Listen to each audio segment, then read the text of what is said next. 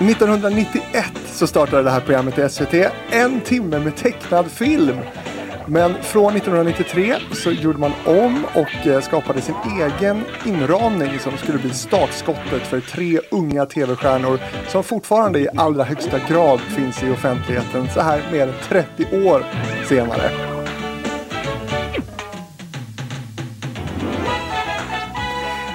Den här succén blev relativt kortvarig eftersom SVT förlorade rättigheterna till de tecknade filmerna 1997.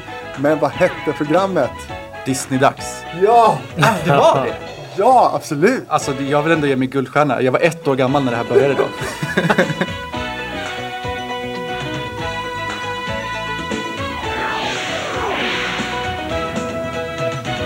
Den här ombrandingen blev ju också då Disneyklubben. Kommer du ihåg det? Just det. Och Just vilka det. var de här tre tv-stjärnorna då? Oj, den var svårare. Kan... Nej men gud. Kan någon av dem ha varit Alice Bah Kuhnke? Ja, kanske? Just det, ja, just det. Det var en. det var en. Men, men där säger jag nog stopp sen. Sen kommer jag inte på en till. Ja, vad den här Johan... Vad heter han? Vanligt namn. Johan Pettersson. Ja, just det. Johan Ah, Pettersson okej, också, ja. Just det. Tredje lyckas jag nog inte sätta i varje fall. Nej. Jag vill säga liksom... eh, Dramatenskådis. Aha, gud, jag tänkte säga någonting Sofie Proppväg, men det är det ju inte då. Dramatenskådis. Eva Röse. Aha, Okej. Vilken trio ändå. det hade jag inte en aning om. Eller förmodligen då, men det tänkte inte jag på när jag var innan tioårsåldern. Men tittade ni? ja, det tror jag att jag gjorde. Alltså åtminstone. Fast när sa du att det gick över till kommersiell tv? Vi hade bara så att säga skogs-tv hemma minns jag. 97 så förlorade SVT rättigheterna första gången. Men sen har ju Disney-dags kommit tillbaka till SVT på senare år. Så. Ja, men då såg jag det eh, på SVT innan 97 då. Ja, jag tittar absolut också. Jag är en trogen tittare av barn-tv när jag var liten. Är väl nästan det fortfarande. Nu gör jag barn-tv bland annat också, förutom det, Musikhjälpen. Då. Vad gör du då? Eh, jag har producerat Sommarlov de senaste 13 åren tror jag. Eh, fram tills jag började med Musikhjälpen på allvar. Ja, men det här med Disneyklubben, det var ju, blev ju jättestort och de hade artister i studion och, och eh, det var ganska stort. Och i tv-programmet Folktoppen 2006 så röstades Disneyklubben fram som det fjärde bästa barnprogrammet genom tiderna i svensk tv. Håller du med om det då? Du har några andra hjärtebarn? Ja, nej, men absolut. Nej, men det, det är väl... Det, det, det var väl jättebra. Jag tittar ju uppenbarligen så att jag tyckte nog det var... Inte jätteimponerad ändå. Nej, men något avtryck gjorde de ju uppenbarligen då. Eh, programmet som ni jobbar med eh, och som det här avsnittet kommer att handla om, har den någon tydlig signatur? Eh, nej, det har inte en tydlig signatur, men Plinget ser man. plinget, alltså Kalle mobbar mig lite här för att MH-plinget som jag kallar det. Ja, vad är det? Det är ett, en, en triangel tror jag från början som spelar fyra toner eller någonting. Som vi inarbetat i vår ljudbild. Eh, inte fristående så, men det finns ett MH-pling. Och det är min, min hjärtefråga i det här projektet. Att få in den på så många ställen som möjligt. Men Är det som en ljudlogga typ? Ja, men exakt. Ett ljud i det kan man säga. Ja. Varför kommer inte jag ihåg det här då? Nej, men ska jag spela upp den? för Ja, gärna. Ja, jag har nämligen precis, eh, eftersom jag då kampanjar för att få in den på alla ställen, mejlat ut den till några kollegor. Så jag har den nog lättillgänglig här i min skickat. Eh, så här låter den.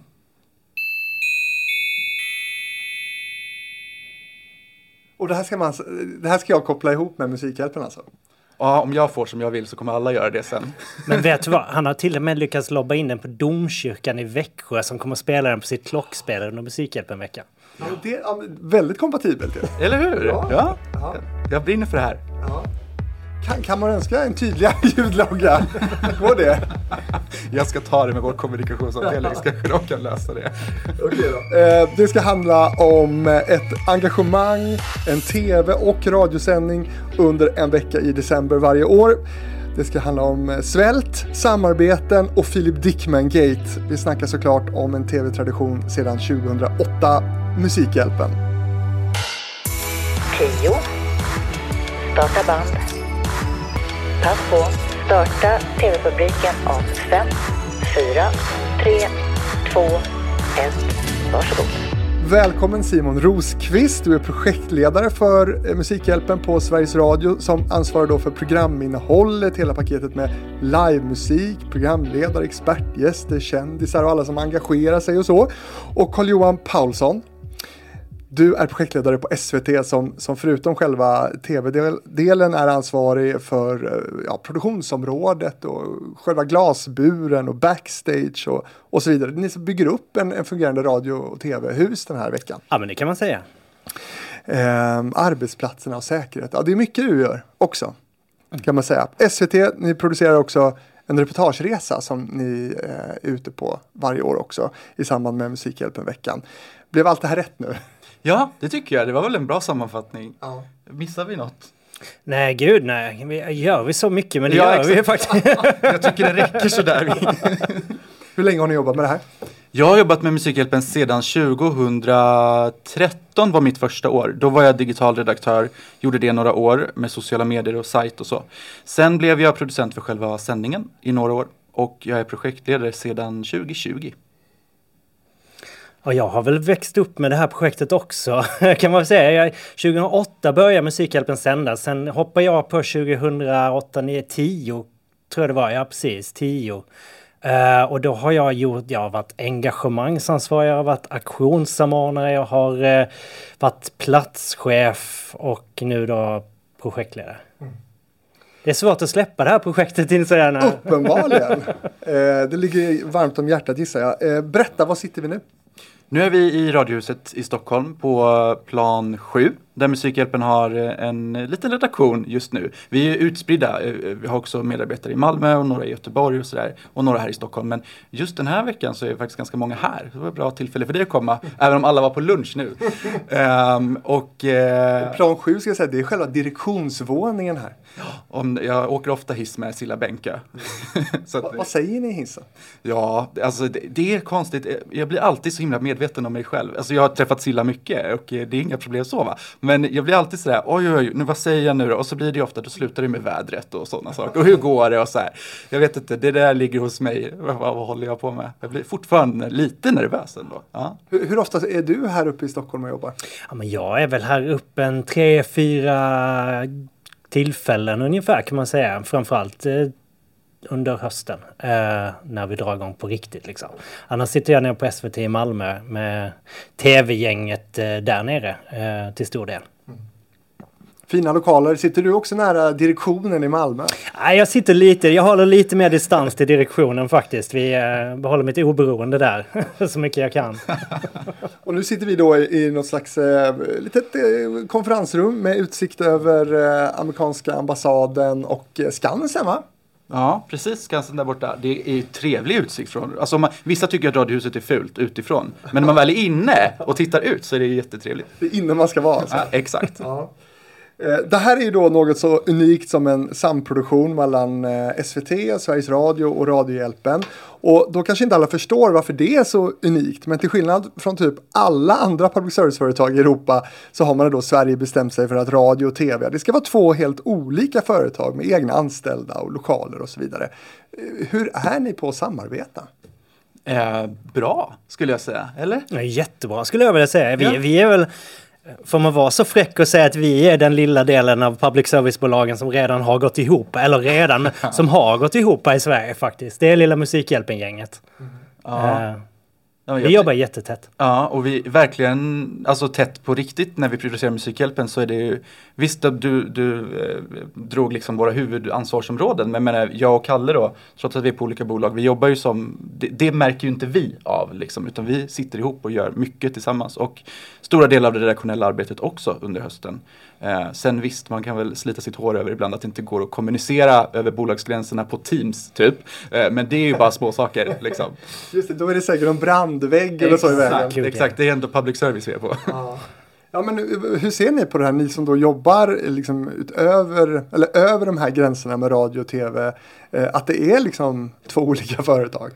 Ja, men i grunden skulle jag vilja säga att, att, så här, när man väl börjar jobba tillsammans så inser man kraften i, i att vara... Eh, Musikhjälpen finns i radio 24 timmar om dygnet. Vi finns på SVT Play 24 timmar om dygnet. På SVTs kanaler stora delar av dygnet. Eh, övriga broadcastkanaler. eh, på natten går vi över och blir nattradio också i P4. Så jag menar, det, jag vet inte om något annat program har de, den ytan att kunna nå ut på. Så att det, det är ju helt otrolig kraft eh, i, i liksom, och möjlighet. Eh, Någonting som alla som lyssnar på det här nu frågar sig då, det är ju varför är inte Utbildningsradion med? Men de är faktiskt med på ett hörn nu. Eh, under några år så eh, bidrog eh, Utbildningsradion i ett samarbete med oss med en lärarhandledning. Det är ju det de är bäst på, liksom det pedagogiska materialet riktat mot lärare och skolor. Så att, det hade vi några år, sen tog det stopp några år tyvärr, men nu är de tillbaka med det. Så att till skolor, högstadie och gymnasium som vill jobba med eh, årets tema i klassrummen eh, så finns det hos UR. Och det är ju jättebra tycker jag, eh, att de kan göra det. Eh, och för det, det, finns liksom så stort engagemang. Även om vi har delvis kanske en lite äldre liksom huvudmålgrupp så, där, så är det ju Musikhjälpen ändå så stort eh, med den räckvidden som Kalle nämnde och alla de här kanalerna att vi engagerar ju alla åldersgrupper. Mm. Ja, okej, ni samarbetar jättebra. Så här, finns det ingenstans där det gnisslar eller liksom där det inte funkar? Liksom? Ja, det var väl på Teams i så fall. det har vi lagt många år på att försöka få till. Nu börjar det närma sig faktiskt. Vi, vi har börjat till och med skicka dokument mellan bolagen nu. Så att, eh, det, Högst upp på personalens utvärdering varje år, intern kommunikation. Så, så den dagen, om det nu sker att de här företagen slås ihop, då, då kan ni gå i bräschen för, för samarbete? Ja, ja. Absolut. Ja. Eh, radio i tv, det är ju liksom en, en klassiker som har försökt liksom, många gånger och i många olika mediehus. Men hur fungerar det egentligen? Blir det bra? Eh, Uppenbarligen, tänker jag. Eller jag tycker att det blir bra. Eh, och faktum är att alltså, Musikhjälpen förr var verkligen filmad radio så att säga. Men, men de senaste åren så har tv-berättandet i det, kan du prata mer om Kalle, men det har ju liksom också verkligen utvecklats och tar tillvara på liksom det bildmässiga i det. Um, jag tycker det funkar toppen och jag skulle också säga att även liksom, bildmässigt har det utvecklats men hur vi gör radio förändras ju också i Musikhjälpen. Alltså vi är mycket mer mobila. Visst, de tre programledarna är i buren men, men vi jobbar också med reporter ute på torget och där finns det egentligen inga gränser för hur man kan bete sig. Eh, eftersom radio är så lätt, så länge vi får in ljudet så funkar det. Liksom. Eh, så att jag tycker det och publiken verkar gilla det. Så att det, det är ju kanske också lite så här slow tv-känsla delar av det här projektet som uppenbarligen går hem en vecka i december. Det är Säg, mysigt att ha på liksom. Ja. ja, och säga vad man vill om pandemin, den har ju många baksidor, men för oss så var det också möjligheter rent tekniskt. För att eh, den här mobil, möjligheten att livesända från sin egen mobiltelefon. Eh, det byggdes system som kunde ta emot massor med signaler utifrån, vilket vi tog tillvara på först under pandemin som en publikvägg i studion där vi inte kunde ha en fysisk publik. Det har vi nu gjort om och använt. Eh, det har vi nu gjort om istället eh, som en, ett engagemangs eh, eh, möjlighet för engagemang runt om i Sverige och bli en del av Musikhjälpens sändningar också. Så när vi spelar musik eller annat i Musikhjälpens sändningar så kan vi visa massor av grejer som händer runt om i landet via mobiltelefon. Men är det ändå fortfarande så att det är radio i tv vi ser? Eller hade, hade man kunnat göra precis tvärtom? Att man gör tv som sänds i radio? Du förstår men- vad jag menar? Jag skulle nog säga att det är en ganska mycket blandning numera. För, Mm. för några år sedan gjorde vi, vi, vi kallade det krossa glaset. Från början var det väldigt mycket det som hände, det skulle hända live i glasburen. Utanför stod en publik och tittade på det. Nu gör vi torget till en, en levande plats med, där man kan ta del som publik av happenings, engagemang. Och vi gör Eh, hela innehållet försöker vi liksom, vi gör, man, jag brukar säga att man lyssnar på radio och tittar på tv. Eh, och tillsammans så blir det Musikhjälpen. Ja, jag håller med. Eh, jag tycker att det är verkligen radio och tv i någon slags eh, merge. Som, ja. Och det kanske inte är heller, jag menar viss tv-produktion som inte är Musikhjälpen är ju också väldigt likt radio. Jag tänker många format, som SVT har nu med Ekonomibyrån, Politikbyrån och så vidare. Det är väldigt liksom poddigt så att säga. Så att uppenbarligen funkar de ju ändå att lägga ihop eh, och hitta bra lösningar på. Visste ni att SVT också gör en podd nu för tiden? Vis, visste knappt jag. Nej, det hade jag inte en aning om. Nej, inte ens jag visste det. Uppdrag granskning-podden tror jag den heter. Aha. Jaha, se där. Tack för tips. Ja, kan man gå in och lyssna på. Eh, men lite på tal om att, att det kanske suddas ut lite vad, vad, vad bolagen gör. Eh, men eh, vi hörde ju då vilka, vilket företag då som ansvarar liksom för vad. Och, men hur har ni delat upp det här egentligen? Alltså från början? Mm. Oj, nu hade vi behövt någon som var med när det här startades eh, 2008. Jag vet inte, helt ärligt faktiskt. Kalle, har du någon? Men det är något ni ärver varje år det här, liksom ansvarsfördelningen. Nej, men det, det, det finns ju en uppdelning och i stor, väldigt stora drag så, så kan man säga att Sveriges Radio har hand om innehållet i sändningarna i glasburen, gästbokningar, eh, programledare, alltså den delen som är liksom människor i glasburen. uh, Tv-sidan då, SVT, tar hand om det som händer ute på torget som är mer visuella, kanske inte lika ljudliga, eh, ljudligt innehåll. Eh, och sen eh, däremellan är det, ja men ljudet står radioteknikerna för, tv-bilden står tv-teknikerna för naturligtvis. Eh, och sen då har SVT, eftersom innehållet är en väldigt, väldigt stor del, såklart så har SVT också hela arrangemangsområdet. Vi är ju faktiskt 150 150-170 personer som jobbar i tre skift med det här projektet på plats. Så det är ett ganska stort produktionsområde bakom glasburen som ska byggas upp och drivas runt under den här veckan. Det är säkerhetsapparat kring det publika evenemanget och produktionen i sig. Så att eh, den delen. Och sen har vi också ett väldigt aktivt samarbete med värdstaden vi är i. Det handlar ju om engagemanget på plats som sen ger ringar på vattnet ut i hela landet för vad som faktiskt visas och händer. Mm. Så att den delen har, har vi på SVT initialt också. Sen blir det ju att allting går ihop i slutändan det är ju dyrare att göra tv än radio. Betalar också SVT mest för den här eh, produktionen? Jag, jag har inte siffrorna i huvudet, men ja, det finns någon procentuell uppdelning som jag inte har stenkoll på exakt hur den är fördelad. Den är gjord av eh, ekonomer och beställare. Eh, exakt. så, men ja, jag tror kanske några procent mer så. men det är väl i förhållande till kostnaderna. Mm. Ja, vad kostar Musikhjälpen ett år? Ja, jag eh, har faktiskt inte helt koll på det själv. Alltså mina beställare och chefer har ju säkert det. Men eh, generellt också så är med, vi pratar ju kanske inte så ofta om enskilda produktioner och vad de kostar. Så att, eh, eh det är i alla fall inte jag som kan svara bäst på den frågan. Nej. Men det, är det en, en kostnadseffektiv produkt skulle ni säga?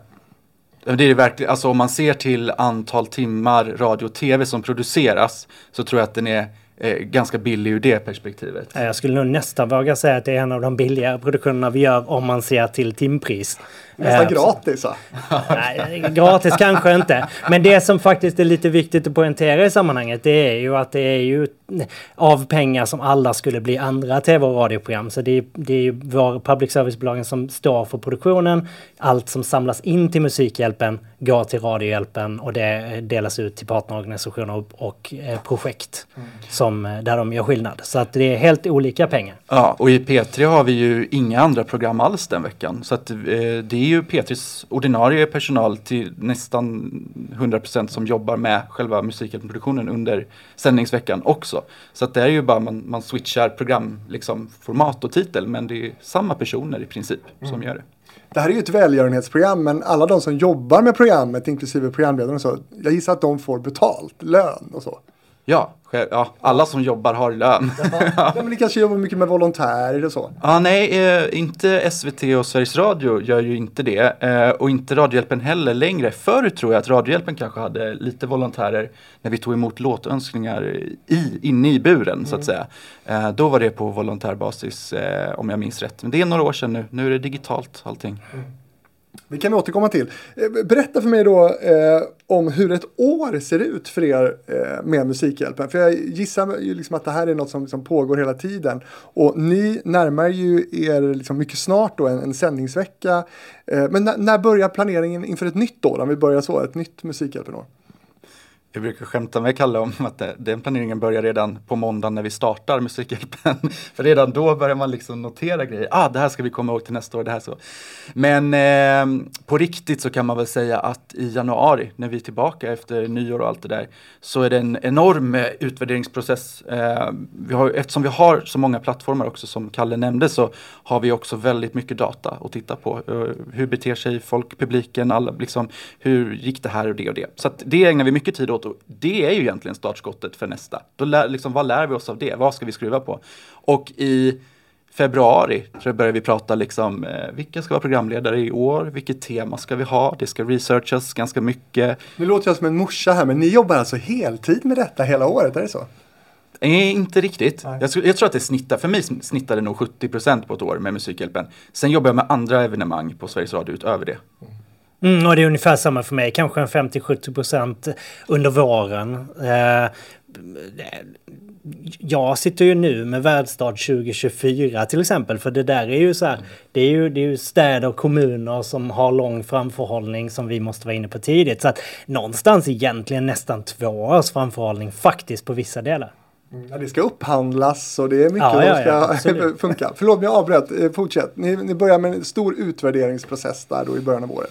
Ja, och så listar vi oss vad vi lärde oss och eh, vad vi ska förbättra till nästa gång. Och sen börjar då det här med reka nya programledare och sätta Åker ni till en kursgård då eller sitter ni här? Eller hur funkar det? Nej, det har varit lite olika. Eh, förra året åkte vi nog till Växjö va? Och hade utvärderingen där för att kunna berätta för resten av vår projektgrupp att det här är också nästa års världsstad. Eh, men Det är klart så tidigt ändå. ja, men det är lite som Kalle säger, två års framförhållning Det var, ju- det var ju faktiskt lite praktiska skäl också för det ligger mitt emellan Stockholm och Malmö. Ja, just det, precis. Det är Eh, för er skull. Ja, men, vänta, vår, eh, vår digitala huvudproducent Emma Leiman, hon brukar säga Nässjö va? Är det, här 80% av Sveriges befolkning kan ta sig till Nässjö på under tre timmar. Så det är ett tips till alla som ska ha, ha stora samlingar. Nu har vi aldrig varit där, det kanske blir det i, i år. Vi får väl se. Spoiler alert. Mm, eller hur? Eh, vad var jag? Jo men sen eh, eh, tema eh, som ju eh, ett ganska stort jobb faktiskt att, eh, att landa i vad det ska handla om. Ehm, och ihop med Radiohjälpen också. Vad är de humanitära behoven? Vad ser de just nu är störst behov? Sådär. Eh, och mycket research på det. Eh, och sen framåt våren börjar vi med, med liksom den innersta kärnan, projektgruppen som vi kallar den. Eh, att eh, mejsla ut, eh, konkretisera det från utvärderingen. Vad är det vi ska satsa på i år och vilka förändringar behöver vi göra? Ehm, och så får det börja marinera och sen är det sommar och sen i augusti där, då kickar vi igång på, på riktigt, liksom hands-on och börjar jobba. Spännande år ändå. Det är, det är mycket som ska planeras naturligtvis. Hur viktig är staden eh, ni ska vara i? Hur viktig är den skulle du säga? Ja, men jätteviktig faktiskt för oss. Eh, Det, det, det är ju, vi, vi testar ju oss fram. Vi har ju första fem åren i Musikhjälpens historia åkte vi mellan Malmö och Göteborg. Uh, vi vågade oss inte riktigt utanför de lite större städerna där då. Sen kände vi att nu är väl tiden mogen. Uh, så sen dess har vi väl egentligen turnerat runt i landet. Första gången vi återvände till en stad var egentligen Göteborg uh, förra året, 2022.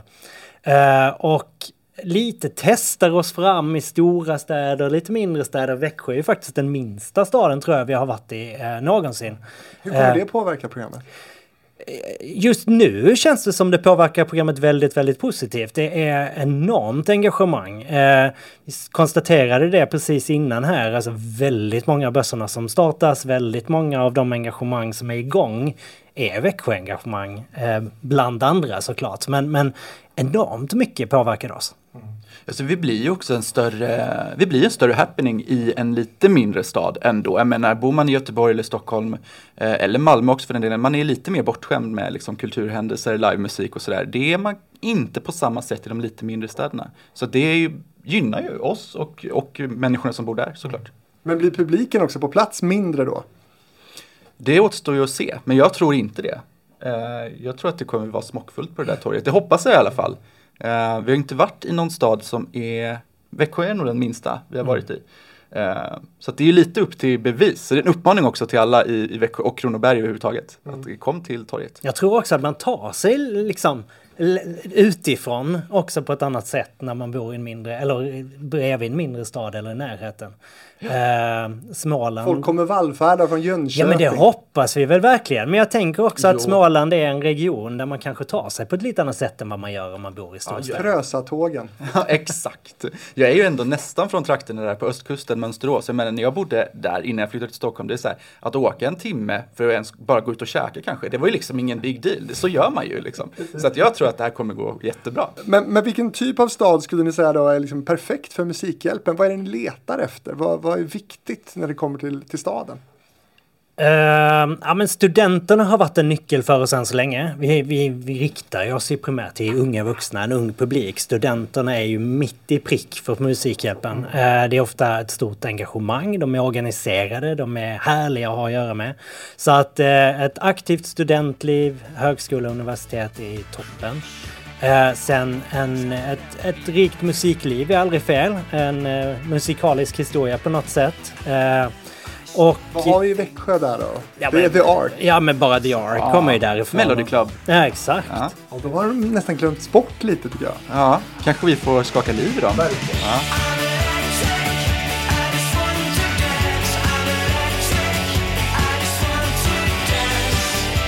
Men, men apropå liksom musikliv och så här, jag tänker också på så här, man kan känna andan i en stad lite. Alltså det här med typ, det är inte bara musik, det är så här, levande kultur, kreativitet, att det liksom finns eh, tankar och idéer, att det är en levande stad på det sättet. Vissa städer man kommer till i Sverige, tänker inte nämna några namn, men där känner man ju lite, man kan gå av en tågstation och vara så här, ja, här liksom hör man sekunderna ticka liksom.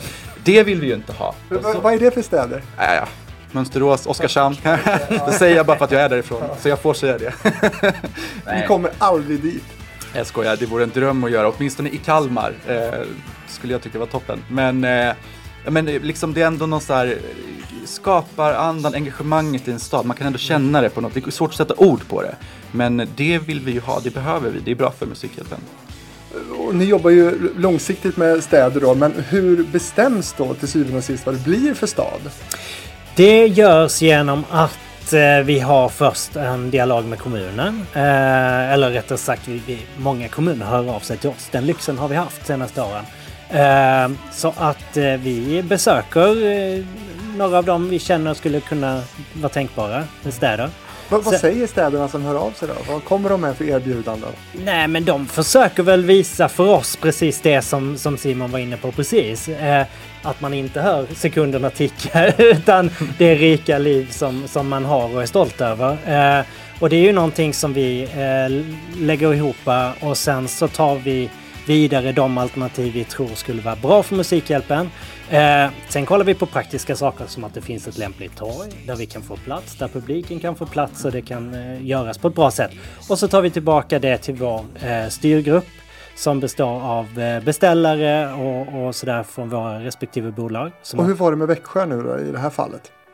Pitchade de in till er att kom hit? Ja men absolut. som- Växjö har vi haft dialog med eh, ganska många år egentligen och sen blev det inget och blev det inget och sen till slut så kände vi att nu är det nog dags att testa eh, Växjö. Vi var väl lite oroliga att det var lite för litet eh, länge men sen kände vi att nej, nu är det nog tiden mogen. Eh, och eh, det tror jag att den är. Ja, absolut. Jag måste jag får ångest nu att jag sa att man hör sekunderna ticka i Oskarshamn. Jag älskar mina hemtrakter, vad har det sagt? Trovärdigt. Ja, eller hur? Eh, men hur det funkar det nu? Betalar städerna någonting? Och vad, vad, vad lägger de in i potten för att få, för att få det här evenemanget? Det är, är det samma upplägg som liksom Mello? Nej, det skulle jag säga att det inte, eller jag ska inte recensera Mellos upplägg för det, det har jag inte stenkoll på. Men, men vi, vi har valt att eh, bygga det på intressebasis. Det, vi, vi tycker det är jätteviktigt att det finns ett engagemang och ett intresse från kommunen framför allt. Sen kommer vi med produktionen och vi är självförsörjande i allt som har med produktionen att göra. Det vi ber staden om hjälp med är för det första eh, lite praktiska förutsättningar. Att det- Bredband typ. Ja, men bred, att det finns ett torg, att det finns tillgång till elektricitet och, och eh, bredband. Liksom, Och fiber. Teams utan brandväggar. Nej, det får vi lösa själv faktiskt. Men, nej, men de där grundförutsättningarna, eh, att de finns på plats såklart, eh, är en förutsättning. Men sen framförallt så är värdstadens roll i det här att sänka trösklarna, göra det enkelt för dem i staden som vill engagera sig.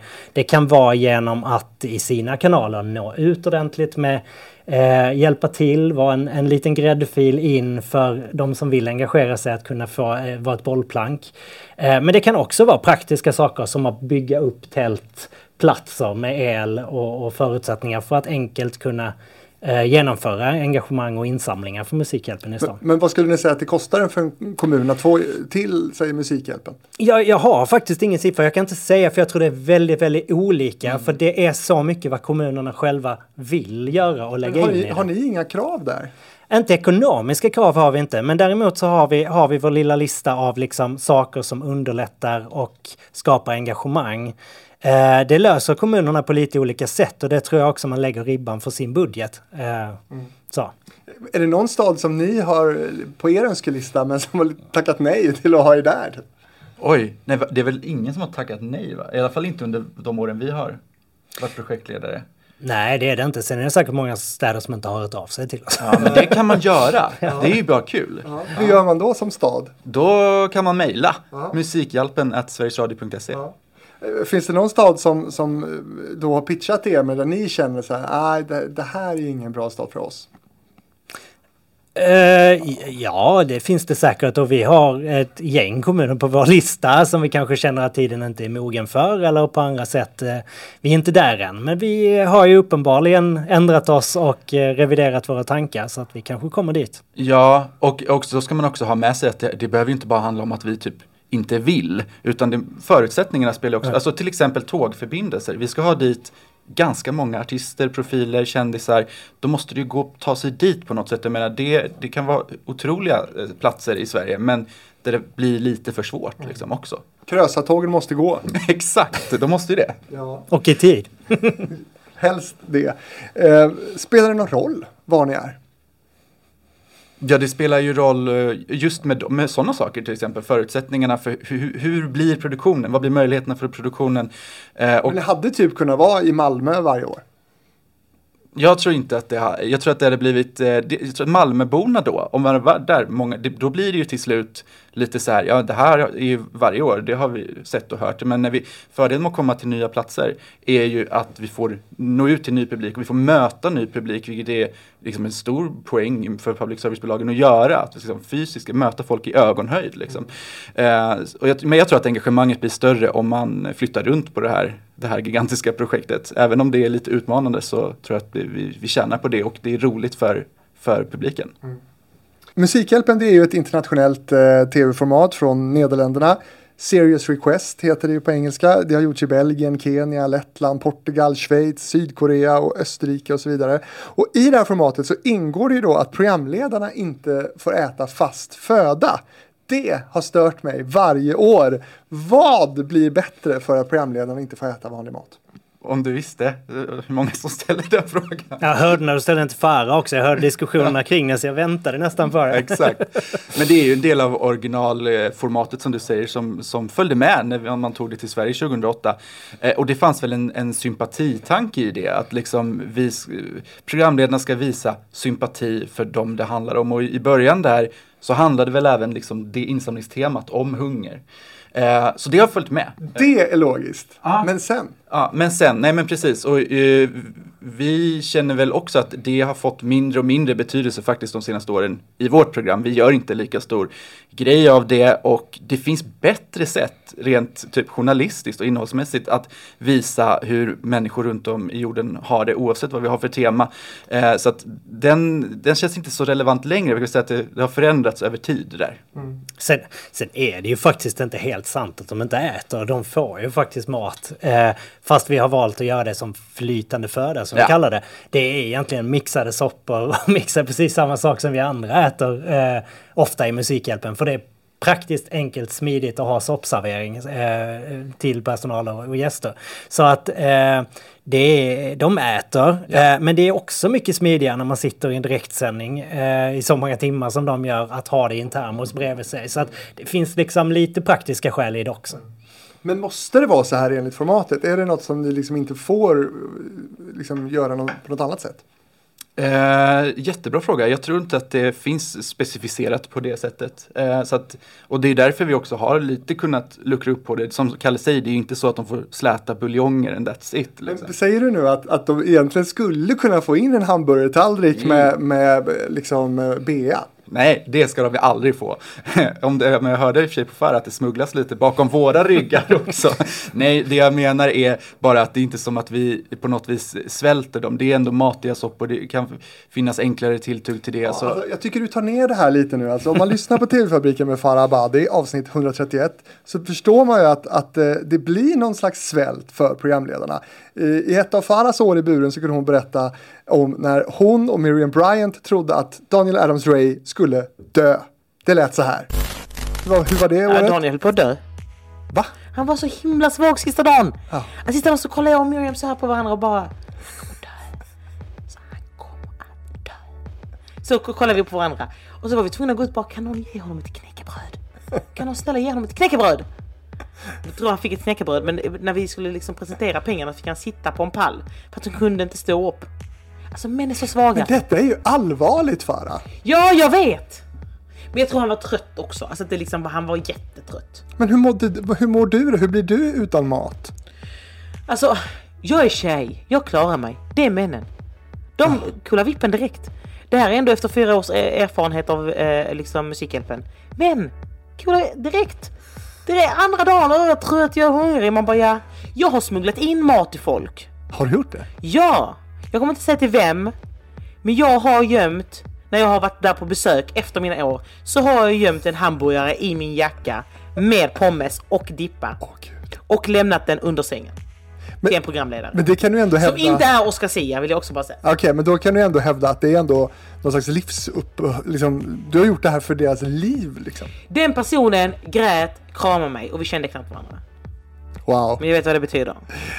Att- Jag har också suttit, jag har också försökt sova bredvid en programledare som gråter och äter ett rör Pringles samtidigt. Men vadå, äter ni Pringles om Nej, nätterna? det var insmugglat. Det smugglas in mat, det gör det. Jag har aldrig ätit någonting. Men det smugglas in mat. Killarna behöver mat. Ingen tjej har någonsin smugglat in mat. Vem smugglar då? De kollar ju inte våra väskor som man kan ta med sig. Man tar med sig själv helt enkelt. Ja, men exakt. Men det ska man också få av kompisar som kommer dit och bara lämnar grejer. Ja, roligt. Farah är ju härlig. Men också ganska allvarligt. Alltså de, det verkar ju som att de ändå lider av det här. Nej, men för oss är det ju jätteviktigt att programledarna mår bra. Ingen tjänar på att de inte mår bra. Jag tror eh, i det här fallet inte bara att det handlar om mat. För det är ju trots allt en ganska påfrestande situation att, att sända så här mycket. Eh, även om de har arbetstider och vilar och sover så är det inte alltid jättelätt att sova eh, när man har basarna från högtalarna några meter från sovrummet och sådär. Vissa sover jättegott och vissa gör det inte. Så jag tror det är många, många aspekter in i just den där händelsen. Eh, men, men de flesta mår ju faktiskt okej under, under den här veckan. Annars hade vi ju inte kunnat köra vidare. Men, men är det så att, att, eh, som hon också var lite inne på, att matbristen är för att det ska bli bra tv? Liksom att programledarna bryts ner och gråter mycket och sådär.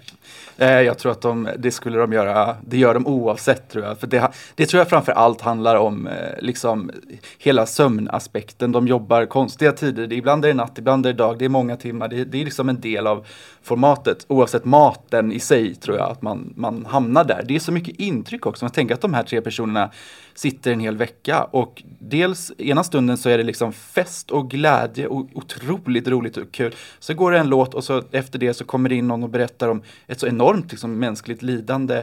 Alltså, Att kastas mellan det, alltså det gör så mycket för ens känslor och hur man, hur man Så att jag tror att det, det har nog inte bara med mat att göra det där. Men Felix Sandman kanske inte skulle liksom brytit ihop och gråtit för de här kaninerna om det, om det var så att han ha- var liksom mätt på en calzone kanske. Kanske inte. Kan inte prata för Felix Sandman. Nej, exakt. Det är mycket känslor i Felix. Eh, Men det här med, som hon också berättade om, om som, som du var inne på Simon också, det här med att det smugglas in mat till programledarna. Hur ser ni på det? Eh, ja, ja det, det är klart att det blir så. Jag, jag, det jag inte vet eh, stör mig inte så att säga. Utan de, de är ju där och jobbar liksom. Och de, vissa av deras gäster är också deras kompisar. Det är klart det blir så. Vi kommer ju inte ha någon så här flygplatssäkerhetskontroller liksom för att eh, hitta mat. Så det skulle vara jättekonstigt. Men kanske behövligt. Blir det några repressalier för Farah när hon smugglar in mat i buren så här? Nej, absolut inte. Speciellt inte när hon säger det, vad är det, fem år senare? det är svårt. Preskriptionstiden har gått ut. för. Exakt. eh, har hon rätt i också att det här att det är värre för killarna det här än, än för tjejerna? Oj, jag ska försöka se något mönster bakåt i tiden, men det tror jag inte att jag gör. Det får, nej, det får, det får nog vara Farahs analys tror jag. Okej. Hon är kanske bäst på att göra den också. Ja, eller hur? Ja. Okej, men ja, man har lite svårt, eller som tittare lite svårt att få det motiverat varför det behöver vara så här. Men i alla fall, det kommer vara så även i år gissar jag, att de ska svälta. Nej, inte svälta. De äter samma sak egentligen som resten av personalen. Det är enklare mat, det är matiga soppor, det är liksom Musikhjälpen-style, men ingen svält, absolut inte. Vilka avsteg kan man göra då från formatet? Det här är ju som sagt ett format som, som är inköpt. Vad, vad, vad kan man göra för, för avsteg? Väldigt, eh, väldigt mycket faktiskt. Eh, Serious Request som det gjordes har ju gjorts om i, i flera länder på olika sätt. Eh, det som håller samman många av de här länderna är ju just glashuset, glasburen. Jag vet att det har testats andra varianter också, men eh, i övrigt så är det ganska få. Vi har inte mycket att förhålla oss till längre, utan eh, jag tror snarare vi, vi har en liten community eh, sen eh, ett gäng år tillbaka där vi snarare delar bra tankar och idéer med varandra mellan en del av länderna. Så att man snarare kan hjälpa varandra till att förnya konceptet och, och utveckla det. Vilket land kör ungefär samma koncept som ni skulle ni säga? Finns det något land som ni tittar och kanske samarbetar extra med när det gäller just det här formatet? Nederländerna har jag kikat en del på. Eh, och eh, ja men de... Du de förstod ingenting men du har tittat på det. Ja, ja, ja, nej, Eh, vi, vi säger inte samma sak, men eftersom jag jobbar med tv så kan jag ju förstå språket. Så att, eh, nej, men de, de har varit eh, ganska långt fram. Förra året hade vi ju någon samsändning med en tysk variant, var det inte det? Jo, Eller det var förr- förra året till första året. Tysk, eh, någon någon Ja. tysk regional kanal hoppade in och gjorde en egen Men glasbur. de verkar ha ett helt annat eh, uppställ rent så uttrycksmässigt och i studion. Det såg nästan mer ut som en eh, sportsändning nästan med sådana här bord man stod vid och liksom kändes som Vinterstudion nästan. Ja, någon eh, light-OS-studio Ja, eller hur? slag där. Ja, så det är väldigt olika. Eh, strax så ska vi eh, prata om hur man väljer temat för Musikhjälpen. Vi ska också prata om Filip Dickman. Sveriges absolut största musikexport, ABBA, finns ju nu på scen i ABBA Arena. Showen heter ju ABBA Voyage och det är du, Ludvig Andersson, som är producent för den här showen. Hur många gånger har du sett den? Sju år. Är är du trött på den? Nej, eh, det funkar inte riktigt så när man arbetar med något sådär. Eh, Men vilka favoritmoment har du? Det finns många, men det finns ett väldigt speciellt moment som om man är intresserad av att höra mer om det så kan man lyssna på podden där vi diskuterar just sånt och mycket annat som har med det här att göra. Så eh, in och lyssna. Där kan man också veta att det finns eh, också några fler låtar inspelade till showen. Precis, men för att inte spoila för mycket så, så som sagt, det får man eh, lyssna på vårt samtal då om man vill veta mer om det. Avsnittet det finns ute nu på Spotify och andra poddplattformar. Där har vi den.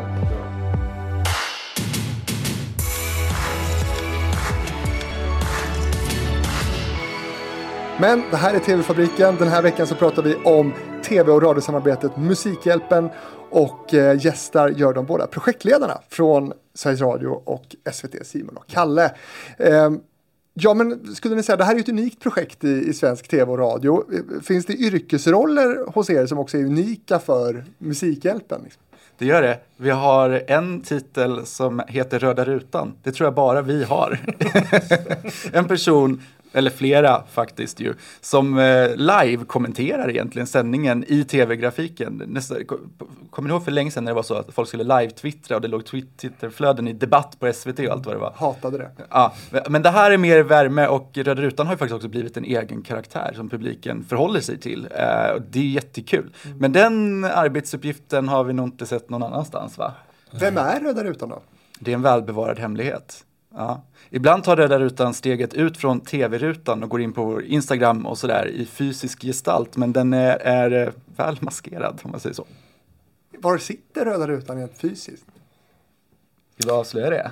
I, en grotta någonstans. Nej, men den sitter, sitter eh, ofta i kontrollrummet bakom glasburen där, där det mesta sköts ifrån. Apropå vi pratade samarbeten mellan våra olika public service-bolag tidigare. Det är ju en kulturkrock eh, kan man säga. Eh, vi, vi kallar ju olika titlar för, eller olika funktioner för olika saker. En producent på tv kan vara något helt annat på radiosidan. En redaktör kan ha en helt annan uppgift på radiosidan än på tv. Men nu ska vi sätta samman alla de här människorna i ett och samma kontrollrum. Eh, man arbetar i ett kontrollrum på ett sätt i radio och ett sätt i tv. Och där har vi verkligen försökt, eller behövt jobba ihop det och hitta titlar som blir lite så här slash och mellan. Eh, Var det något exempel på det? ja, då? men det skulle kunna vara... Eh, med- just det här med redaktör tycker jag är en intressant Ja. titel. Den har vi ju nästan inte överhuvudtaget på radiosidan. Eh, och och i, i Musikhjälpen så har vi en eh, som förr hette sändningsproducent, alltså den som är i programledarnas öron och kör sändningen steg för steg. Liksom. Eh, och det motsvarar inte riktigt liksom, producenttiteln på tv-sidan. Ja, där- för det är ju en redaktör på tv-sidan. Exakt, så nu har vi bytt namn på den, så nu heter den sändningsredaktör då, vilket tv-sidan känner igen. Men nu blir det istället förvirring på radiosidan, så jag vet inte om vi underlättade för någon egentligen, men det blir lite sån begreppsförvirring. Ja. Ja, och någonstans så är det ju så här, även om vi inte är hierarkiska som, som liksom team och personer, så när man kör en direktsändning, framförallt i tv, så är det ju ändå, det krävs en viss ordning om man pratar med varandra på ett visst sätt. Och när det börjar liksom skruvas på, och vem som, vem som är redaktör och producent och vem som har eh, sista säg, det där blir konstigt annars. Ja. Så det är väl lite därför vi har försökt skruva på det. Så alla ska förstå. Tar ni fortfarande emot kontanter? Eh, nej, inte på plats. Eller hur Kalle? Nu ska, jag ska inte... Jag skulle vilja säga, vi, vi, vi, tar väl emot kontanter men det är ingen som vill ge oss kontanter längre. Nej. Så att 137,50 tror jag vi fick ihop förra året. Just det, Det så var inga det. värdetransporter som gick från området då. Nej, det är ju en diskussion i samhället det här ju med kontanthantering. Mm. och Så jag tänkte bara om ni hade någon ståndpunkt där. Eh, nej, men man kan eh, gå till banken och sätta in kontanter till Radiohjälpen. Det finns inga banker som har kontanter Simon. Vad har du missat? Det får du prata med bankerna om. Okej, men eh, jag ville komma in lite på det här med säkerheten för Musikhjälpen. Eh, vi har ett förhöjt terrorhot i Sverige. Vi har aktivister av olika slag nu, inte minst eh, Rädda våtmarkerna och de här som kör på. Hur- ser liksom, er säkerhetsberedskap ut för det här programmet? Uh, ja, men vi jobbar jättemycket med säkerheten, det gör vi. Uh, och det gör vi ju med alla evenemang vi gör uh, såklart. Att vi har ett, ett förhöjt säkerhetsläge nu och att man höjde från en trea till en fyra i somras är såklart en effekt vi måste väga in i vårt, i vårt säkerhetsarbete. Men det är också någonting vi har haft med oss sedan länge. Musikhjälpen har alltid varit ett, eh, eh, en, eller ett evenemang på ett torg mitt i en stad. Eh, ibland i jättestora städer. Eh, det kräver alltid ett, ett gediget säkerhetsarbete. Eh, så att den, just den där att, att säkerhetsläget höjdes lite nu är väl mer kanske vad jag förstår en, en liksom, någonting som ger myndigheter resurssättning och sådär. Eh, det kan vi väl eh, märka nu att, att samarbetet med polis, med kommun, alla, det, det förenklas ju såklart av, av att alla får medvetenheten och att, att liksom den medvetenheten höjs i samhället. Eh, så att Har jag... ni, fått, har ni fått tänka om där på något sätt då? Ja, men vi har inte behövt tänka om jättemycket eh, i, i förhållande till hur vi har tänkt tidigare. Vi har alltid haft ett högt säkerhetstänk runt Musikhjälpen eftersom vi är det evenemang vi är. Men samarbetet som jag sa med kommun, kommunens säkerhetsorganisationer i Växjö i år, eh, med polisen i Växjö har fungerat jätte, jättebra. Alla är måna om att det här ska bli bra. Har ni haft besök av eh, Rädda våtmarkerna? Har vi det? Va? Nej, det har vi faktiskt Inte inte. på torget hos oss i alla fall. Nej, vi har haft en del eh, opinionsyttringar och sådär och det brukar vi kunna hantera. Samtidigt så, så eh, har vi ju förmånen att faktiskt arbeta med teman och ämnen som de flesta kan stå upp för och tycka är viktiga. Och därför kanske intresset eh, har varit lite lägre att konkurrera med det, med andra liksom sådär. Så att i dialog har vi faktiskt kommit ganska långt med, med många av. Men om man dyker upp då med Rädda våtmarkerna, plakat framför buren eller Fria Palestina. Vad, vad får man yttra liksom på torget framför er bur i er sändning?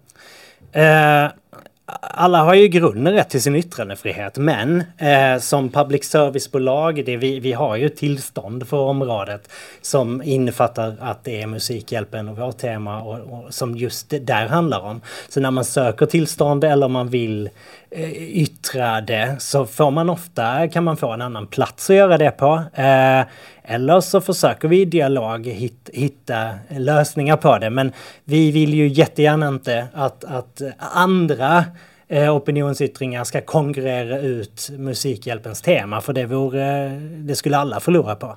Men om det kommer tusen pers då och, och ska demonstrera eh, för Palestina till exempel Mm. i år. Alltså hur, hur, kommer ni, hur kommer ni, har ni pratat om det här? Hur kommer ni hantera det? Jo men självklart, det vore konstigt om vi inte skulle pratat om det. Så är det ju. Eh, nej men jag tror i, vi, vi försöker så långt det är möjligt i en dialog med, med dem det berör. Eh, liksom försöka mötas där och hitta... Ni ska sätta er ner och prata med dem? Nej, men vi pratar med dem och det har funkat ganska väl tidigare ska jag, ska jag helt ärligen säga. Sen kanske vi inte når hela vägen, men då har vi eh, dels en egen säkerhetsorganisation omkring så att det går tryggt och säkert tillväga. För vi har ju trots allt annan publik på torget också och andra evenemang som händer där.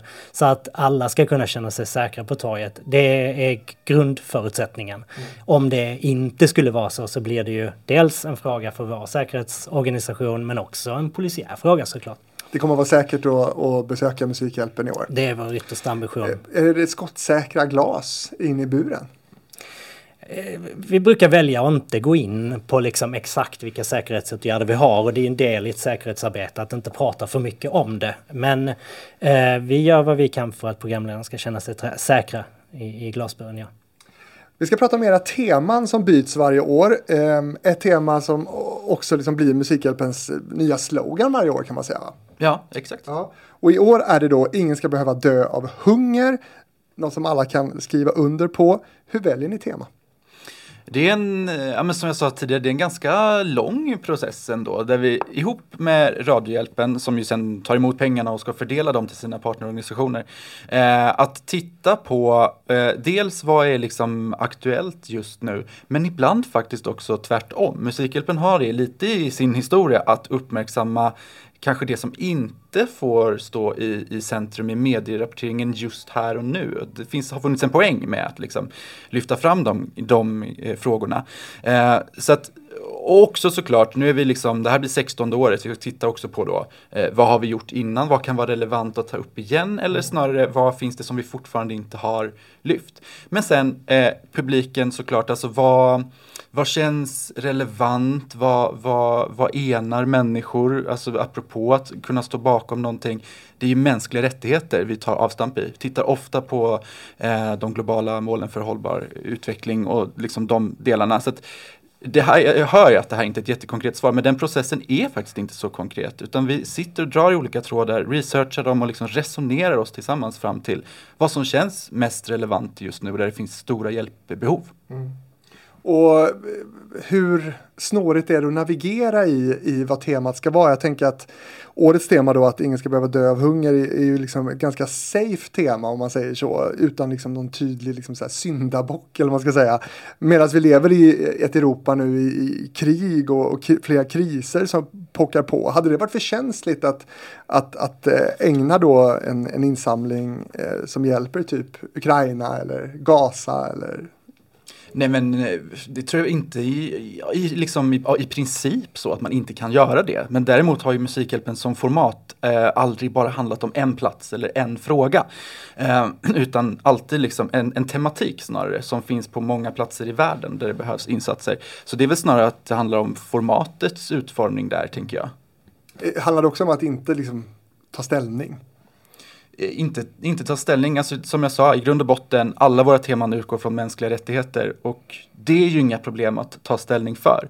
Sen är ju Musikhjälpen inte heller liksom ett, ett debattprogram eller ett politiskt program. Vi utgår från de humanitära liksom, principerna och, och innehållet handlar om vad, vad kan Radiohjälpens partnerorganisationer göra för de här pengarna som vi är med och samlar in allihopa.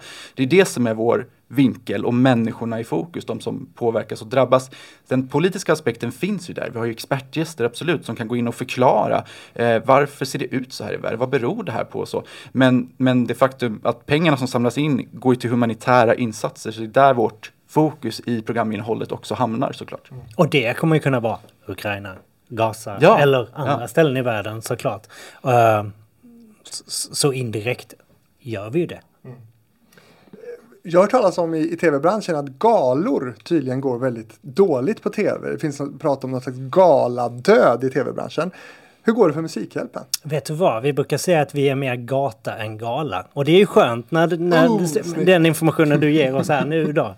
Eh, vi vill ju inte vara en blanka golvet-gala. Vi, vi vill vara nära vår publik. Vi vill vara nära den... Vi, vi, vi kanske... eh, Det var någon eh, gammal medarbetare här som, som sa någon gång att sådär, Musikhjälpen är mer av en folkrörelse än vad det är liksom ett tv och radioprogram.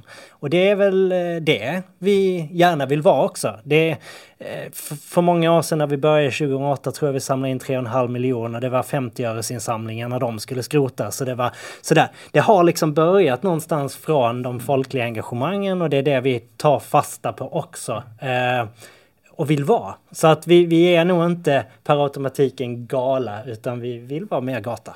Frågan var ju också lite hur det går rent publikmässigt och tittarsiffror och lyssnarsiffror. Går Musikhjälpen lika bra i år som det gjorde för tio år sedan till exempel?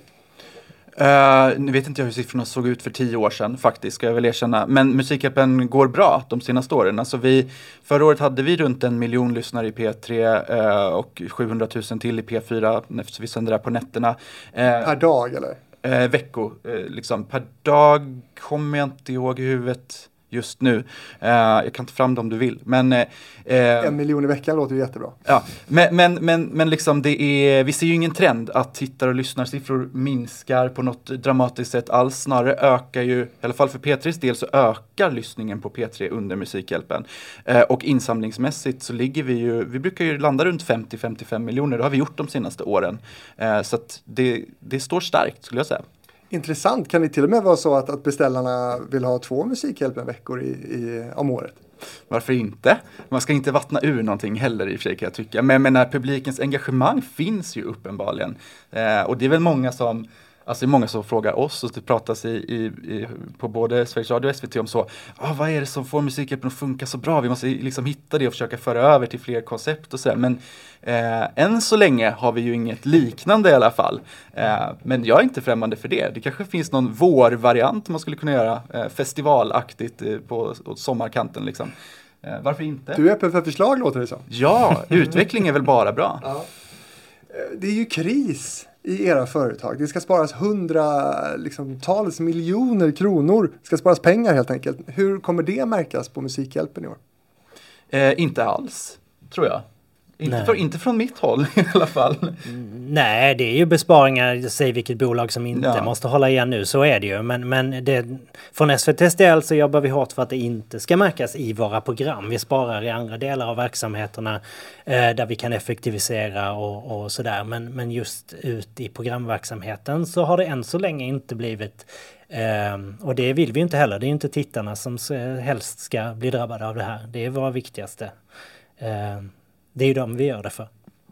Vi ska ägna några minuter och prata om några som är väldigt viktiga för Musikhjälpen. Det är ju programledarna. Hur väljer ni ut vilka som ska sitta i buren? Det är det roligaste och svåraste i det här jobbet tycker jag. Eh, alltså, eh, det är så många aspekter av det här. För att dels ska man ha en trio, tre personer som dels kommer in liksom från olika håll med olika erfarenheter, olika bakgrund, tilltalar olika publik helst, liksom för att så många som möjligt ska känna att programmet är relevant för just dem. Eh, och så ska de funka ihop då som tre personer. Men de ska också funka två och två. Och de ska också funka ensamma. De sänder ensamma på nätterna, så den, det är ändå så här, det måste man ändå klara av liksom. Så att det är många aspekter där, så det är ett jättepusslande av liksom eh, flera veckor där vi sitter med olika intressanta namn, eh, framförallt jag och Kalle, och eh, bollar och vrider på dem, lyssnar på alla poddar de har varit med i, alla tv-program de har varit med i, alltså verkligen försöker liksom lära känna dem och försöka förutspå lite, hur kommer de vara och hur kommer de funka tillsammans och sådär. Eh, och så börjar vi pussla. Det är så vi jobbar och eh, men när ni lyssnar då, förutom då att de ska vara beredda att dö av hunger, vilka, vilka, vilka kvaliteter ska de ha? Ja men det är väl en dynamik, eh, tänker jag i den här trion, men också som individ. Man ska kunna, eh, man ska kunna axla eh, humorn, det roliga, festen i, i Musikhjälpen. Men, men man ska ju också kunna bära allvarliga stunder med, ett, med ett allvarligt tema, eh, den liksom folkbildande delen av det på ett bra sätt. Ja, det är verkligen både underhållning och journalistiskt på samma gång det här mm. programmet. Um, så att, och, och sen musiken har varit en viktig aspekt också. Vi har nästan alltid haft någon artist med. Och det ger så mycket. Så förra året, eh, Oscar Sia, jag vet inte hur många hur många livespelningar han liksom hoppade in i under veckan och det är också så här, eh, blir ett jättefint program av det. Det blir oväntat, det är kul liksom. Mm. Um, alltså, det finns jättemånga aspekter där och det ser ju lite, lite olika karaktär blir det ju varje år såklart eftersom vi byter ut folk. Men uh, än så länge så tycker jag att vi har lyckats få ihop de där triosorna mm. med, med allt det jobbet som ligger innan det. Vi sitter ju här nu och spelar in det här och vi är i slutet av eh, november. Det är liksom snart sändning för er och ni har inte berättat än vilka som ska vara programledare i år. Eh, så just därför, vad har ni för drömprogramledare? Vilka står liksom på högst upp på era önskelistor? Oj! Det är kanske är bra att säga det i och för sig, så kanske de blir sugna. och Så kan... Ja. Men alltså jag, jag tycker att eh, eh, Per Lernström är en, av- alltså kanske Sveriges bästa programledare. Också varm och härlig person. Jag tror han hade funkat väldigt bra i Musikhjälpen. Sen blir Har, väl, har han fått frågan? Eh, det, tänker jag inte svara på. men, Det har han alltså. Nej, men sen blir det väl en fråga liksom, eh, mellan TV4 och SVT där kanske. Hur ska vi profilera en, en annan, ett annat bolags profil i något av det största vi gör? Men eh, eh, Per hade varit jättekul tycker jag. Vad har du på din lista? Nej, men jag, jag, vi, vi, vi pratade ju om Per tidigare. Så jag hade Ja, väl också exakt. tanken där. Men, men nej, men jag, sen har vi lite lyxen också för att jobba med den. Farah Abadi var, var- var ju liksom... Eh, hon har ju lite fått växa upp och in med Musikhjälpen också. Och nu är hon en av Sveriges största profiler. Så alltså, jag, jag tycker det där spännande också är att se potentialen i appen com, coming programledare som skulle kunna bli, eller som ofta också har blivit väldigt stora efter några år i Musikhjälpen. Eh, det tycker jag är häftigt. Att också kunna presentera Ja. nya namn. Och att liksom man ger också lyssnarna och tittarna en ny person att lära känna. För det här formatet är så, det finns ju ett mått av reality i det. Liksom. De bor där och de jobbar ihop liksom. Och att då liksom få komma nära en person man inte redan känner. Men också tvärtom, en person vi verkligen redan känner. Vad händer med Per Lernström när vi låser in honom i en bur och inte ger honom ett manus? Eller mat. Ja, det också. Men, men liksom, det, det är ja, superspännande. Men verkligen vara med och bygga nya profiler tycker jag också. Att kunna göra det, att ta in en, säg att vi tar en Benjamin Ingrosso och så tar vi någon som liksom bara typ de unga på TikTok har koll på. Vad händer i det mötet? Det skulle vara jättekul. Men nå- något mer namn vill jag gärna ha på drömprogramledare i buren. Alltså vore det inte kul också med Louise Epstein? Gud vad jag nämner bara liksom etablerade stora. Men vilket, det skulle kunna vara en kul generationsgrej med Louise Epstein tycker jag. Jag älskar Louise Epstein. Jag älskar också Louise och jag gör också en väldigt bra imitation av henne. Låt höra. Ja. Eh, Nej, gud nej, vilken press det blev nu. Fan också. Eh, Jag återkommer till eh, Louise. Jag kastar in Joa Benjelul också. Ja! Ja! Lite äldre. Ja, ja men absolut. Vi har sagt det ibland. Kanske vi ska våga gå lite äldre också. Jag Ja. tror det hade blivit en bra dynamik. Men Thomas, jag kan ju inte sitta i Musikhjälpen-buren. Man får ju ingen mat och ingenting där. Hur ska jag kunna sända? Jag drar i de här reglerna. och- Kan vi göra undantag i det? Kan vi inte ringa upp Louise så hon får betygsätta din invitation? Hyfsad va? Jag tycker det var jättebra. Nej, Hon skulle bli så nervös med alla regler och allting. Ja, det är, många, det är många andra som blir också. Ja, ja. Eh, vilka har tackat nej? Ja, nej. Eh, det är inte många. Inte många alls faktiskt. Eh, men vilka de är håller jag för mig själv. Okej, jag försökte i alla fall. Eh, men eh, en som tackade ja då till att långsamt svälta i buren i år, det var ju Philip Dickman. Varför valde ni honom? För att han är eh, rolig eh, och har ju också eh, en, en publik som jag tror att skulle vara liksom jättebra att att få till Musikhjälpen. Eh, och att han, han är en härlig person och liksom kunnig och ja, jag tror att det hade blivit jättekul med honom. Mm. Och nu ska ju han då inte vara programledare längre, det är det enda vi vet eh, hittills eh, när det kommer till programledare, att han inte ska vara. 26 oktober så kom nyheten att han eh, petas då från det här uppdraget. Varför då? Eh, det är ju ett beslut som ansvarig utgivare har tagit eh, och inte jag och Kalle, så egentligen så svarar väl de bättre på, på de frågorna. Men det har ju att göra med public service, några av våra viktigaste principer om oberoendet och eh, sakligheten, eh, som är väl kanske det viktigaste vi har eh, som Sveriges Radio och SVT. Eh, och det är tråkigt att det blev som det blev. Eh, det hade varit jättekul att jobba ihop. Eh, men jag liksom respekterar också det beslutet och det som är, inte ett helt ovanligt beslut heller på public service. Eh, sen är det inte alla de besluten som blir så här mycket uppståndelse kring såklart. Men eh, eh, det är liksom det är det det handlar om. Oberoende och, opartiskhet och allt det där som eh, vi måste ta på allvar såklart. Eh, han postade videor om kriget mellan Israel och Hamas och det är väl som du sa då Simon, ansvarig utgivare som, som har tagit det här beslutet om att han inte ska vara programledare. Men många kanske ändå undrar vad det var i de här postningarna som gjorde att han inte kan leda Musikhjälpen. Ja, och nu eh, kan jag ju inte gå in på det heller. Eh, utan det måste egentligen ansvariga utgivaren som har tagit beslutet förklara på vilka grunder de har gjort det. Men håller du med om att det var en kontroversiell fråga att uttala sig i det här som han gjorde? Alltså att Israel-Palestina-frågan är, är kontroversiell Eh, ja, det är den ju eh, såklart. Eh, så att det, det, jag har liksom respekt för deras beslut. Men hur ska ni göra ett Musikhjälpen i år utan att, att liksom ta upp den här frågan om, om Israel-Palestina och det som händer där och inte minst med tanke på ert tema om hunger och... Men tror det är viktigt att särskilja lite på att så här, det, det humanitära, det, det liksom mänskliga rättigheterna. Vi tycker det är precis lika hemskt som alla andra, det som pågår i alla krig och när, i synnerhet när, när civilbefolkningen drabbas av det. Det är det Musikhjälpen handlar om till stor del.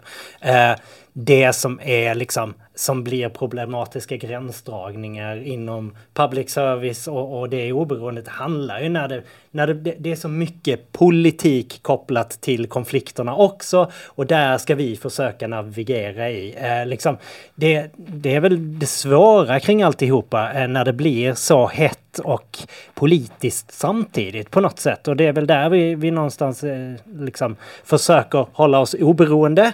Eh, men det humanitära, det är inget, ingen tvekan om. Det är det Musikhjälpen hamnar. Ja, exakt. Och det är det vi har hållit på med de senaste mm. 15 åren. Att liksom mm. sprida kunskap om orättvisor, lidande. Människor ska inte behöva utsättas för våld eller hunger eller vad det nu än är. Så det är ju inte ett problem, snarare tvärtom. Det handlar Musikhjälpen om. Eh, sen finns det liksom, som Kalle är inne på, alltså, va, om, vi, kan håll, vi håller oss där i Musikhjälpen. För som jag sa innan, vi är inte heller ett debattprogram eller så, utan det är det humanitära som står i fokus. Han själv då ska jag också säga hävdar ju tvärt då vad, vad Sveriges Radio säger att han inte har tagit ställning i den här frågan och att han har lyft både för och motargument för båda sidorna. Han skriver på sin Instagram att, att ni har utsatt honom och hela hans karriär för fara och han känner sig vilseledd och utnyttjad. Det är hårda ord. Ja, det, det är det ju, men jag kan egentligen inte säga att jag tycker det är tråkigt och att jag liksom jag förstår att det här inte är en kul situation för honom och den är inte kul för oss heller. Eh, så. Eh, sen ska ingen behöva utsättas för hot eller, eller hat på något sätt. Eh, verkligen inte. Kommer han någonsin kunna göra Musikhjälpen? Nu har han ju sagt att han aldrig vill det. Men, men kommer han, skulle ni vilja det? Alltså, eh, varför inte? Alltså det, det beror ju på vad det handlar om liksom. Och egentligen, eh, igen, ansvarig utgivare som tar sådana beslut. Men eh, vi ska väl inte säga att något är omöjligt. Nej. Eh, efter det här, på tal om hot då, så har ju också Sveriges Radio eller eh, Musikhjälpen fått motta hot på grund av beslutet att peta honom. Hur har det varit för, för er? Alltså, det, alltså, precis som Simon sa, hot eh, är väl aldrig okej okay riktat mot någon. Nu är ju inte hoten som det har pratats om riktat mot Musikhjälpen som evenemang eh, på, på något sätt, utan det är enskilda medarbetare på våra bolag som, som eh, har mottagit hot. Så att, eh, ja, nej, det, det, är väl inte okej okay på något sätt. Nej. Nej, känslig fråga i alla fall. Eh, inlägget eh, som han har lagt ut om det här har ju 60 000 likes och flera tusen kommentarer. Så engagemanget kring det här är ju liksom stort. Eh, och eh, vad händer konkret för honom? Alltså, var han kontrakterad? Får han behålla sitt gage? Alltså det är ju en, eh, en dialog och en överenskommelse med en enskild person. Där tänker jag att vi som, som arbetsgivare kan inte riktigt gå ut och prata om liksom, exakt vad, vad har hänt eller vad har sagts eller hur ligger det till. Utan det är en dialog som, som förs direkt med honom. Mm. Vi vet ju att, inte, liksom, eh, att det liksom inte ingår riktig mat i gigget. Men jag hoppas att han i alla fall får, får kanske någonting för, för besväret. Det här har inneburit också att ni, eh, det här har också inneburit att ni på ganska sen eh, slagen timma fått, fått eh, ägna er åt att hitta en ny programledare. Hur har det gått? Det har gått bra. Vi har en eh, trio. Eh, det är jag glad för. Det kommer bli skitbra. Eh, och man ska väl också säga att när man gör en sån här produktion som är dygnet runt så länge som är det är eh, klart att vi alltid har personer i åtanke. Alltså när vi, det händer ju saker, speciellt lärde vi oss under pandemiåren liksom, att eh, det behövs. Att det är ju inte... Ja, för ingen... Ni har reserver typ, eller ni måste ha det? Ja, det måste man ju ha eh, om man ska liksom kunna göra ett, en sån här produktion på ett eh, tryggt sätt. Så att det har vi ju. Eh, sen om det var en reserv eh, uttalat eller inte som blir den här trion, det låter jag vara osagt. Men det är klart att man tänker så när man gör något sånt här stort. Jättekul här om det bara blir Louise Epstein, Joar Bendjelloul och vem var det mer vi sa? Överraskande Thomas. Norén. ja, exakt. Det blir de tre. Du fick den förhands här. hade ju varit roligt ju. Ja, absolut. De hade aldrig pallat det. Tror inte. Det är bara- Nej, man ska inte Det tror jag inte faktiskt, om jag ska vara ärlig alltså. Jag tror Louise hade blivit så upplyft när det kommer förskoleklasser på förmiddagen och dansar på torget. Det kan man leva på länge. Man ska inte underskatta hur ska det gå-faktorn i, i Nej, eh, verkligen. Verkligen. Eh, Okej, eh, låt mig höra era bästa Musikhjälpen-minnen från alla år med det här eh, projektet.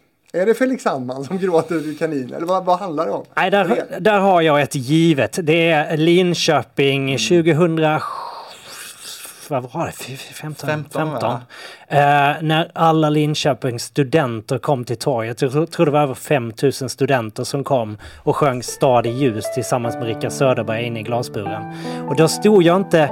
Alltså när man tittar på tv-sändningen av den, jag tror vi postade ett klipp nyligen på våra sociala medier med det klippet. Det är en sak det som, det som kom ut i sändningen, för det är fokus Rickard Söderberg in i buren som i och för sig var väldigt bra. Men jag stod ute på torget och hörde studenternas sång. Vilket man gör, men alltså det där var öronbedövande och det, det var så allting reste sig på alla kroppar. Alla hårstrån stod rakt ut. Så superhäftig upplevelse alltså.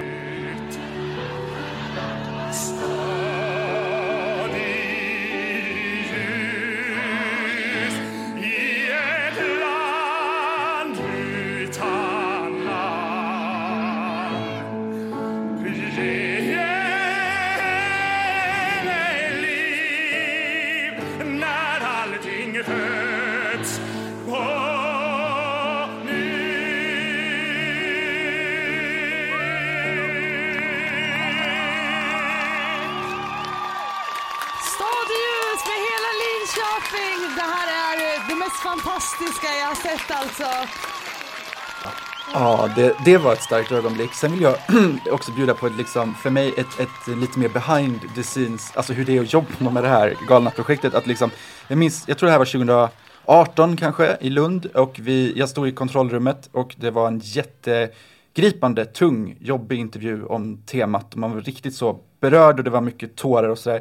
Så går jag ut från kontrollrummet, på andra sidan dörren står 30 studenter, en kör, och eh, repar något Whitney Houston-gig de ska göra i buren efter nästa låt. Typ. Så man bara så här, wow, går mellan känslor, jag var så uppfyllda så här, det här är galet. Sen så går jag liksom en halv meter till, då kommer någon, någon producent och skriker efter någon papier-maché-gris som har pysslats i buren och försvunnit och nu liksom, ah, vi måste hitta den. Alltså just det här, eh, den känslomässiga berg och dalbanan eh, i Musikhjälpen är varje år, eh, den, den tar mig verkligen, herregud, det är så konstigt och roligt eh, program att jobba med.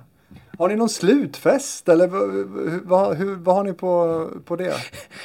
Jag vet inte om man kan kalla det fest efter 144 timmar direktsändning, men vi, vi gråter lite tillsammans, tar, käkar en bit mat, alla som har jobbat, eh, och liksom försöker samla lite alla intryck och, och dela dem med varandra. Så att jag tror det är ganska sunt efter att man har eh, varit i den här torktumlaren som Musikhjälpen är och bara eh, landa lite tillsammans. Så det försöker vi göra. Sen brukar det bli en ganska tidig kväll för de allra flesta faktiskt, för man är ganska ja, det är trött. rimligt. Ja. Finns Musikhjälpen kvar om tio år? Det hoppas jag att det gör. Eh, Eftersom det fortfarande går bra och står starkt och är liksom älskat av publiken så kör på säger jag. Ja, och med den tekniska utveckling vi är i nu, det är så, så, gud vet hur den ser ut om tio år. Jag hoppas att den ser helt annorlunda ut och att det är eh, lika mycket gata, eh, men eh, på ett helt annat sätt. Men det kan ju bli billigare, tänker du kanske, att producera det här det det, att det är billigare är inte min, liksom, utan eh, mindre teknik men, men, men precis lika härligt. Men har programmet varit nedläggningshotat någon gång? Det tror jag inte. Inte vad jag har hört eh, under de åren jag har jobbat med det. Hur långa beställningar får ni då? För som sagt, ni jobbar ju liksom ganska långt fram. Vet ni framåt hur, länge det kommer pågå? formellt sett så får vi väl ett år i taget. Men vi får ett eh, indirekt löfte om eh, två år ungefär så att vi kan påbörja arbetet och, och sådär med värdstäderna. Så minst två år till då helt enkelt. Ja.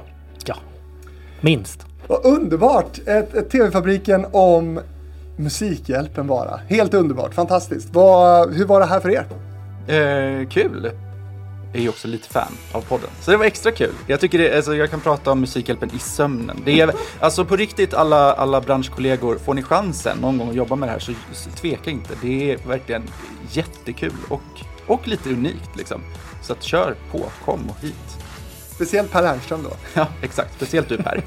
Jag ska träffa honom på fredag. Det ska vi jag ska Bra. fråga honom om, om det inte... Men han gör ju Idol precis då va? Alltså det är väl det också.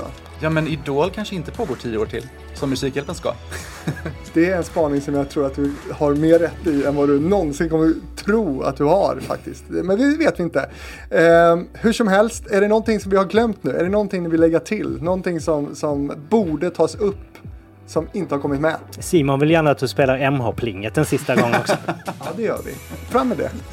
Ja, fram med det. Så kan jag säga så här till medan du eh, tar fram det att eh, för dig som vill komma i kontakt med mig, gör det med eh, e-post, fabrikspost at gmail.com och sen så kan man då naturligtvis också in och följa TV-fabriken i sociala medier. Där kan man också få se hur Simon och Kalle som vi har hört här nu ser ut. Mycket spännande. Eh, Okej, ditt slutord Simon blir? Det här. Rysningar ändå. Svagt. Tack! Och vi går ner i svart.